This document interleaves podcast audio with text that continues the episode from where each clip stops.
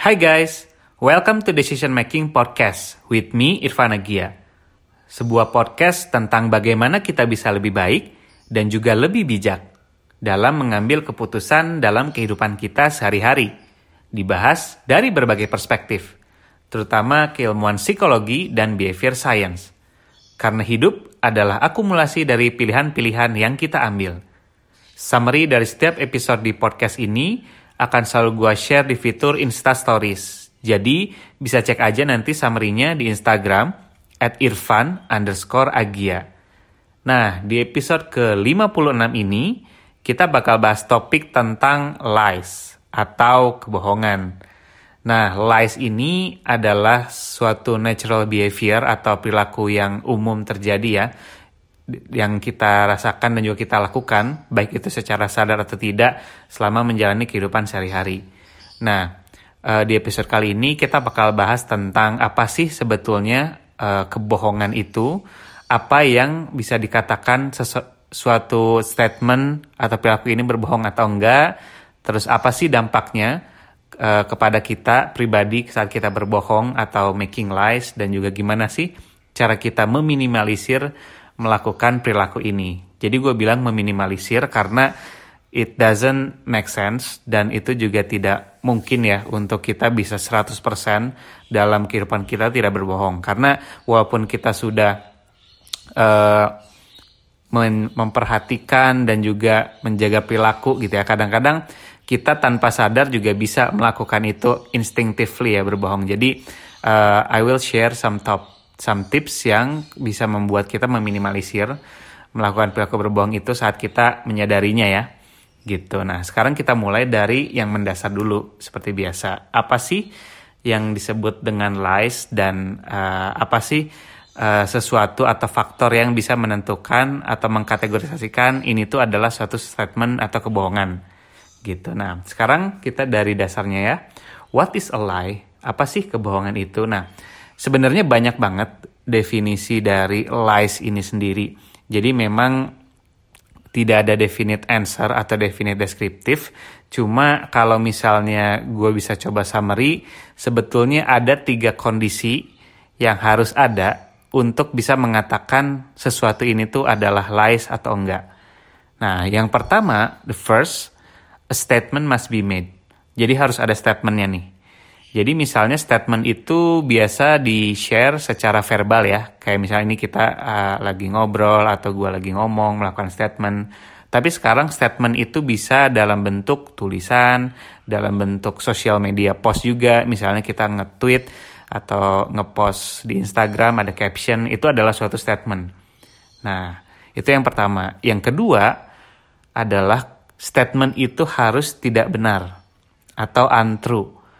Nah, jadi informasi yang di-share saat melakukan saat ada suatu statement baik itu kita verbally atau lewat tulisan atau sosial media itu harus secara nature-nya tuh inaccurate atau tidak benar atau tidak mendeskripsikan apa yang sebenarnya. Gitu. Nah, yang ketiga ini yang paling penting. Faktor ketiga yang harus ada untuk bisa mengatakan ini itu lie atau enggak adalah ada intention jadi harus ada intention untuk deceive atau deceive ini artinya mengelabui. Nah, jadi sebenarnya ketika ada statement yang misalnya tidak benar atau untrue, itu bukan berarti seseorang itu berbohong.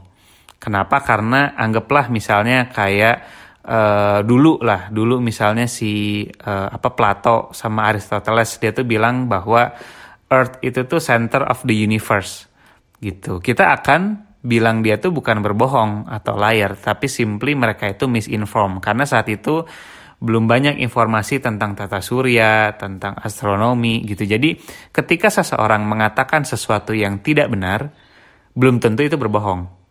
Gitu ya. Jadi faktor ketiga ini penting. Jadi seseorang dikatakan berbohong ketika ada intensinya ada intensi untuk mengelabui. Nah, inilah yang membedakan statement yang untrue, simply untrue, nggak benar dengan statement berbohong. Karena ketika ada statement yang tidak benar dan ada intensi untuk mengelabui gitu ya, uh, seseorang itu baru bisa dikatakan berbohong. gitu contohnya misalnya ada aja kayak misalnya gue nggak niat untuk bohong tapi ini bisa dipersepsi gue tuh bohong kayak contohnya misalnya uh, I can say to you I went to misalnya Oxford Oxford University. Nah secara language technically bisa aja ada persepsi bahwa oh uh, dia dulu pernah sekolah di Oxford. Gitu kan? Ketika gue bilang I went into into Oxford. Tapi mungkin sebenarnya intensi gue adalah uh, eh, gue kemarin gitu ya meeting gitu atau ketemu sama siapa kolega atau teman atau ada seminar atau ada workshop itu di Oxford. Tapi bisa jadi orang mempersepsikannya gue tuh pernah kuliah di Oxford misalnya kayak gitu. Jadi kita juga perlu bisa membedakan ketika seseorang ini tuh simply misinform atau mungkin nggak ada intensi untuk berbohong tapi mungkin orang bisa mempersepsikan untuk bohong jadi kita harus tahu ketika ada seseorang intensi untuk mengelabui itu baru dikatakan bohong Nah, tipe-tipe lies ini tuh ada apa aja sih? Sebenarnya ada beberapa tipe ya kebohongan itu. Yang pertama tuh ada namanya bold lies. Bold ini tuh biasanya di uh, apa dibilangnya tuh namanya bare-faced lies. Jadi ini tuh very obvious. Jadi satu kebohongan yang obvious banget ini tuh bohong secara statement, secara uh, apa appearance orang yang melakukannya. Jadi uh, ini tuh biasanya ditemukan di anak-anak atau anak kecil gitu misalnya kayak uh, ada anak kecil terus dia makan kue terus dia belepotan tuh mukanya habis makan kue terus dia bilang enggak kok enggak uh, aku nggak makan kuenya tadi pada kelihatan gitu. Jadi ah itu bold lies. Jadi kelihatan banget. Itu pertama namanya bold lies. Yang kedua deceptive. Nah deceptive ini dia itu justru yang lebih crafted ya, lebih carefully sama lebih skillful lah istilahnya. Jadi memang benar-benar si intensinya itu tuh dia ada ada effort untuk menutup-nutupi sehingga ini tuh lebih sulit untuk di dilihat lah ya si si deceptive ini. Biasanya subtle dan memang ada intensi untuk misleading the person uh, yang uh, menerima si pesan kebohongan ini. Yang ketiga itu denial tipe bohongnya itu denial. Jadi kalau denial ini dia refuse atau menolak atau acknowledge something yang true gitu. Jadi misalnya uh, kita dikas kita ditanyain lu ngelakuin ini enggak atau lu ngerasain sedih nggak sih ketika misalnya uh, lo ditinggal pacar gitu misalnya. Terus orang denial enggak kok gue biasa aja biasa aja padahal dalam hati dia misalnya masih sakit hati gitu nah itu contoh denial jadi simply refusing the the truth yang dia rasakan atau yang dia tahu itu namanya denial. Yang keempat itu exaggeration atau gampangnya itu melebih-lebihkan. Jadi ada suatu suatu fenomena atau suatu statement terus dia lebih-lebihkan. Padahal sebenarnya nggak selebay itu lebay lah istilahnya. Itu namanya exaggeration.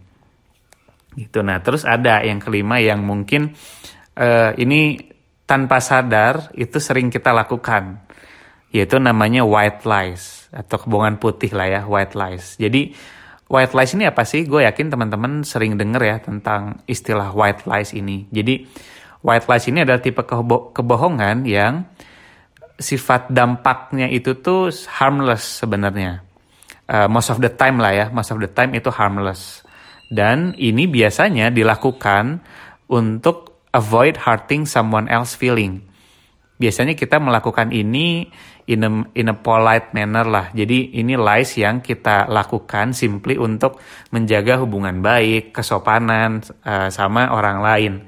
Nah, jadi orang-orang itu mengatakan white lies ini ketika kalau kita ngomongin truth yang benar-benar sebenarnya ini kayaknya bakal lebih ribet deh, complicated atau ini kayaknya bakal bikin situasi nggak nyaman deh atau orang lain yang dengar aduh kayaknya gue jahat banget kalau ngomong ini kayak gitu.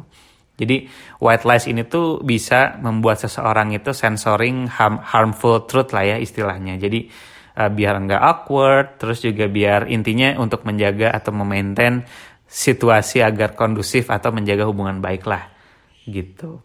Nah, biasanya juga white lies ini kita temuin kalau sama orang yang punya power lebih tinggi di di atas kita. Misalnya kita diajak uh, dinner sama bos gitu atau sama manajer lah.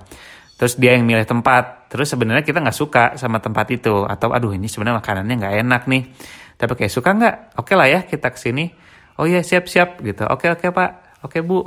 Notit notit kita ke sana kita ke sana. Nah itu contoh white lies juga sebenarnya tanpa kita sadari. Tapi kita melakukan itu untuk uh, menunjukkan uh, kita tuh misalnya polite kita tuh patuh lah ya misalnya atau ya menjaga hubungan baik sama si bos itu. Gitu. Nah apa sih yang membedakan white lies dengan real lies? Gitu. Jadi sebetulnya ada beberapa uh, pembeda yang bisa kita lihat gitu ya untuk mendiferensiasi white lies sama lies. Ya, yang pertama adalah konsekuensi. Nah, white lies ini biasanya most of the time konsekuensinya itu nggak nggak serius, nggak kayak uh, lies gitu. Jadi biasanya konsekuensinya itu sangat minim lah, gitu. Terus what uh, doesn't hurt lah ya untuk gua, yaudahlah nahan dulu, nggak nahan dulu untuk makan sesuatu yang misalnya ya uh, eh, gue nggak begitu suka tapi oke oke aja. Itu kan trivial lah ya sifatnya konsekuensinya nggak begitu harmful. Gitu. Terus yang kedua ini yang penting nih dari beneficiary-nya atau siapa yang diuntungkan dari si lies ini. Biasanya kalau uh, lies yang natural itu kita kita mencoba menguntungkan diri kita sendiri. We want to feel good about ourselves kita pengen apa uh, menciptakan persona atau uh, impression gitu ya dengan kita bohong. Kita pengen mendapatkan suatu agenda sendiri kita punya agenda. Itu biasanya yang di benefit itu kita. Tapi kalau white lies itu most of the time kita yang menda yang mendapatkan si benefitnya itu biasanya orang yang dibohongin ya. Gitu misalnya kayak kayak tadi diajak makan di teman kita nggak suka. Jadi oke okay lah biar biar cepet gak banyak cincong misalnya. Ya udahlah kita ngikutin aja deh apa kata si bos gitu. Jadi si bos sebetulnya yang diuntungkan bukan kita. Jadi white lies itu lebih selfless lah biasanya. Nah yang ketiga biasanya uh, apa the degree of deceit. Artinya seberapa besar sih si amount of lies-nya itu dalam suatu statement gitu. Biasanya kalau white lies itu simply uh, cuma istilahnya tuh bending the truth lah. Kita nge-tweak dikit truthnya. Jadi nggak nggak begitu berubah banyak lah. Misalnya kayak tadi di tempat makan lah gampangnya. Sebenarnya kita tuh nggak nggak anti nggak benci benci banget sama makanannya gitu. Simply ya kurang suka aja. Tapi oke okay lah kita tweak dikit. Bisalah kita makan dulu ini gitu sekali-kali. Nah itu juga kan degree of deceitnya itu minimal. Seperti itu. Nah terus sekarang pertanyaannya adalah Kenapa sih kita itu berbohong? Why?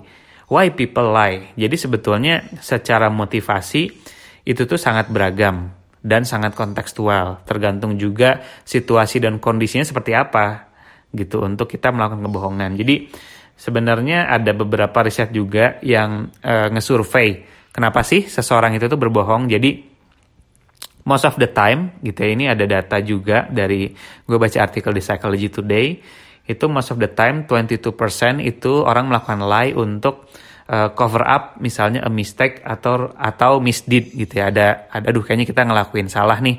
Itu kita covering up dengan melakukan lies. Itu 22% terus yang kedua banyaknya itu adalah economic advantage surprisingly gitu ya. Jadi to gain financial benefit gitu. Terus misalnya uh, avoidance yang ketiga 14% itu untuk escape atau evade other people. Kayak contohnya misalnya kita lagi lagi nongkrong nih sama temen gitu kan, terus aduh uh, misalnya terus ada satu teman yang kita tuh nggak suka gitu, ada orang ini datang, terus kita bilang aduh kayak uh, eh, gue kayaknya harus jemput uh, orang ini nih atau gue di, dipanggil ibu gue nih gue harus cabut dulu ya duluan ya duluan. Nah itu untuk avoidance gitu. Nah sisanya sih ya uh, tri, sisanya sangat kontekstual tergantung.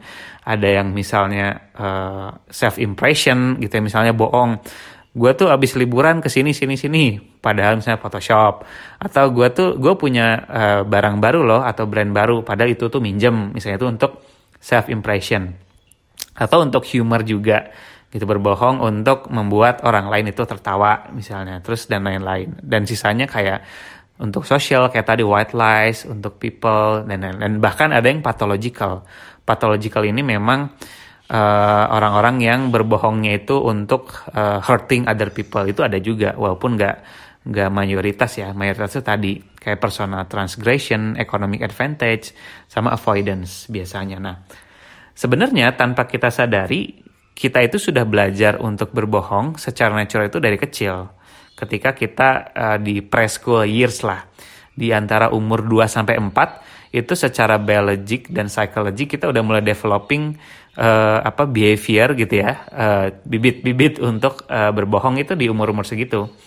Walaupun memang sebenarnya sangat apa ya lugu lah ya, bohong-bohong lugu kayak misalnya tadi kita aduh pengen banget makan ini cuma dilarang sama orang tua nggak boleh ya misalnya makan es krim gitu atau minum minum minum es terus misalnya waktu kecil kita uh, ngebohong padahal kita minum gitu kan atau makan hal tersebut. Nah jadi kadang ini di worry nih sama orang tua, aduh anak gue udah mulai uh, berbohong nih, ini sebenarnya sehat nggak sih? Atau aduh ini tuh uh, harus gue jadikan notes banget nggak ya? Ini anak-anak gue udah mulai bohong nih, walaupun bohongnya bohong-bohong lugu ya, gitu. Sebenarnya secara psikologis itu tuh sangat natural. Dalam arti itu memang akan akan anak itu akan berbohong pada waktunya lah. Dan in fact sebenarnya ini tuh adalah the first sign uh, anak kecil itu udah mulai mengembangkan istilahnya theory of mind, yaitu orang uh, anak kecil itu sudah mulai aware sama others, sama emotion others. Jadi or, anak kecil itu udah mulai aware orang lain tuh punya uh, different feelings gitu ya, terus juga punya punya apa uh, emosional yang berbeda gitu. Jadi itu sebenarnya uh, tanda bahwa anak kecil itu sudah mulai sudah mulai bisa mengatakan oh iya ini kayaknya uh, mama atau papa eh, nggak uh, akan tahu nih terus nggak akan nggak akan marah kalau misalnya diam-diam mak, uh, makan ini atau minum ini nah itu menunjukkan dia udah mulai aware gitu ya. Seperti itu. Nah sekarang apa sih yang terjadi di tubuh kita biologically ketika kita berbohong? Nah ini menarik gitu. Gue baca-baca banyak artikel ternyata memang uh, lies ini atau perilaku berbohong itu sebenarnya secara evolusioner itu udah ada dari dulu. Dan memang sesuatu yang develop sampai kita uh, saat ini gitu. Jadi kalau dulu dari teori evolusioner uh, lies itu biasanya digunakan simply untuk keep the peace gitu ya, atau make someone else feeling good. Nah, ternyata secara biologis otak kita itu sangat care dengan dishonesty atau kebohongan ini. Kenapa? karena kita ini sebagai social creature itu kita merasa reputation itu tuh sangat penting ya untuk menjaga reputasi, menjaga image di society dan juga di community, di grup itu tuh penting banget untuk kita sebagai social creature. Nah, ketika berbohong itu tuh menjadi resiko untuk gimana caranya kita tuh harus memaintain image trustworthy ini dan integrity Nah, berbohong ini tuh jadi counterproductive dengan menambahkan resiko. Aduh, ini kalau gue berbohong, gue ketahuan, reputasi gue di community, di social environment, itu bakal bakal hurting nih. Jadi, sebenarnya secara biologis, berbohong itu adalah is a stressful activity.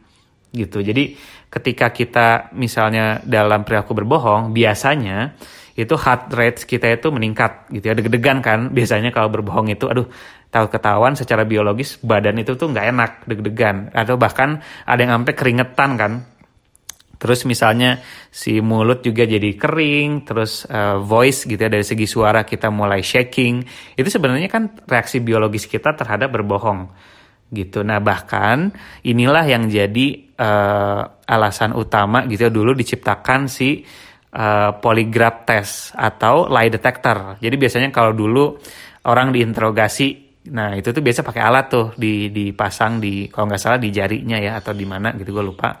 Itu untuk ngeliat tuh ada ketika dia bilang statement ini heart rate-nya naik nggak, pumping nggak, dia sweating nggak. Nah itu jadi indikator gitu. Nah sayangnya memang uh, orang uh, setiap orang itu berbeda ya gitu. Semakin sering justru ini menarik.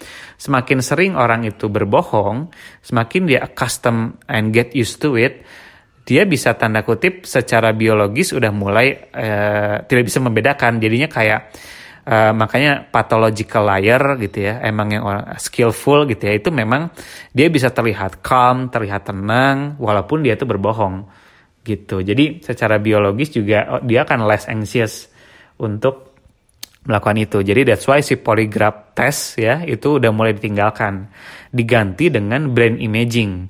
Jadi untuk uh, nge-scanning otak gitu ya. Kita fokusnya sekarang dari aktivitas di otak ketika berbohong gitu. Jadi memang ditemukan bahwa ketika berbohong ada aktivitas di limbic system namanya. Jadi ini the same area uh, di mana uh, ini tuh terjadi fight or flight response dan itu tertrigger ketika kita itu melakukan kebohongan atau ada stressful activity gitu. Jadi itu udah mulai ditinggalkan lah gitu. Nah, Terus kira-kira short term sama long term efeknya apa nih kepada health sama well-being kita ketika kita sering berbohong. Jadi ada artikel di Psychology Today di tahun 2015 itu biasanya constant lying itu biasanya bikin kita jadi meningkat blood pressure-nya ya, darah tinggi, increase heart rate, terus juga stress hormonnya meningkat terus gitu ya kalau kita tuh uh, berbohong. Nah, cuma yang tadi sempat kita bahas itu semakin lama long term efeknya akan semakin minimal.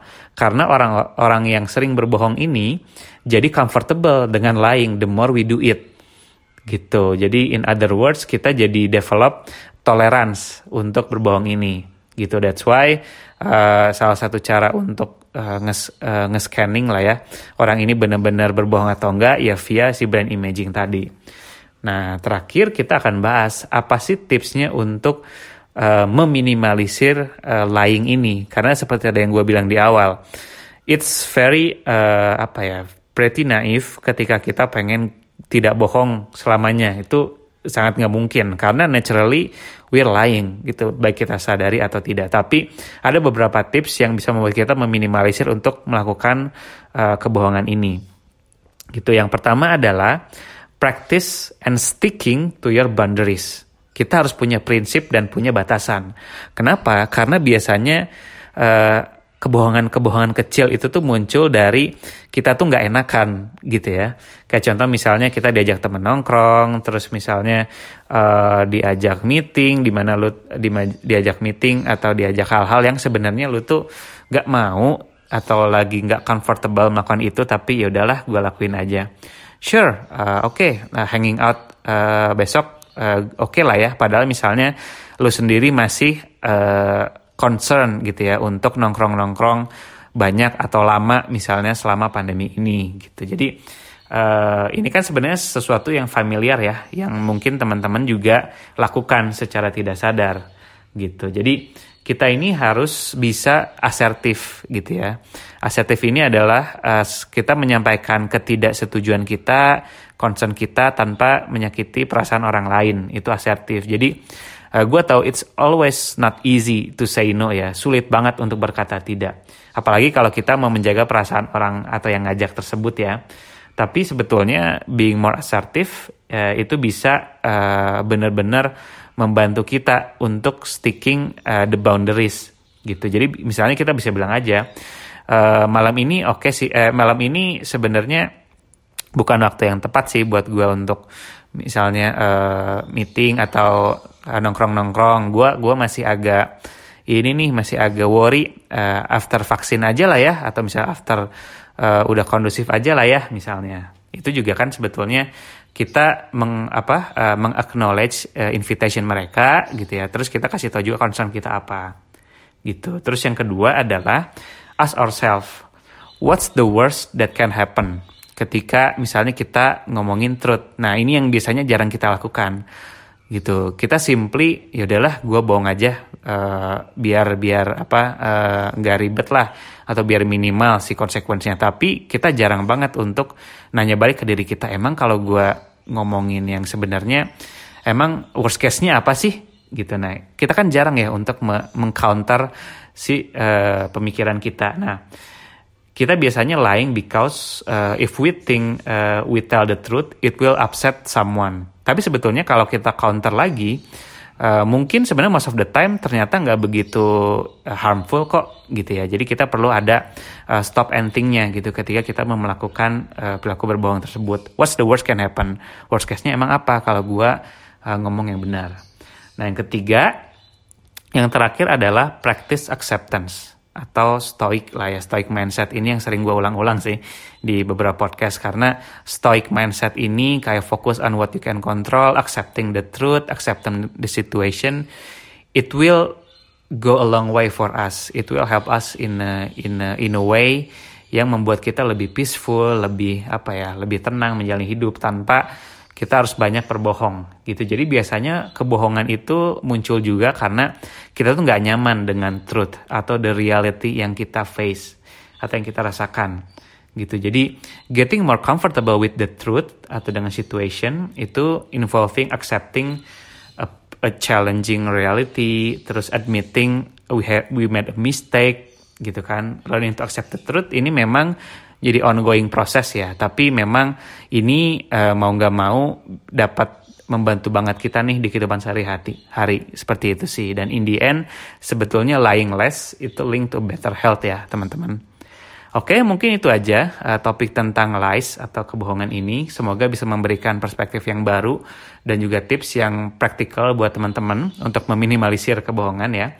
Dan untuk di episode selanjutnya, gue bakal bahas topik tentang body image gitu. Nah, uh, sampai jumpa di episode ke-57. Kalau ada request atau masukan tentang feedback, terus uh, topik-topik yang lain, boleh banget email atau message gue di Instagram at irfan underscore agia. Kalau teman-teman merasa topik-topik di podcast ini berguna atau memberikan wawasan yang baru, please share it to others. Bisa bagikan link konten podcast ini di Instagram teman-teman. Because sharing is caring. Thank you for listening and I'll see you in the next two weeks. Bye-bye.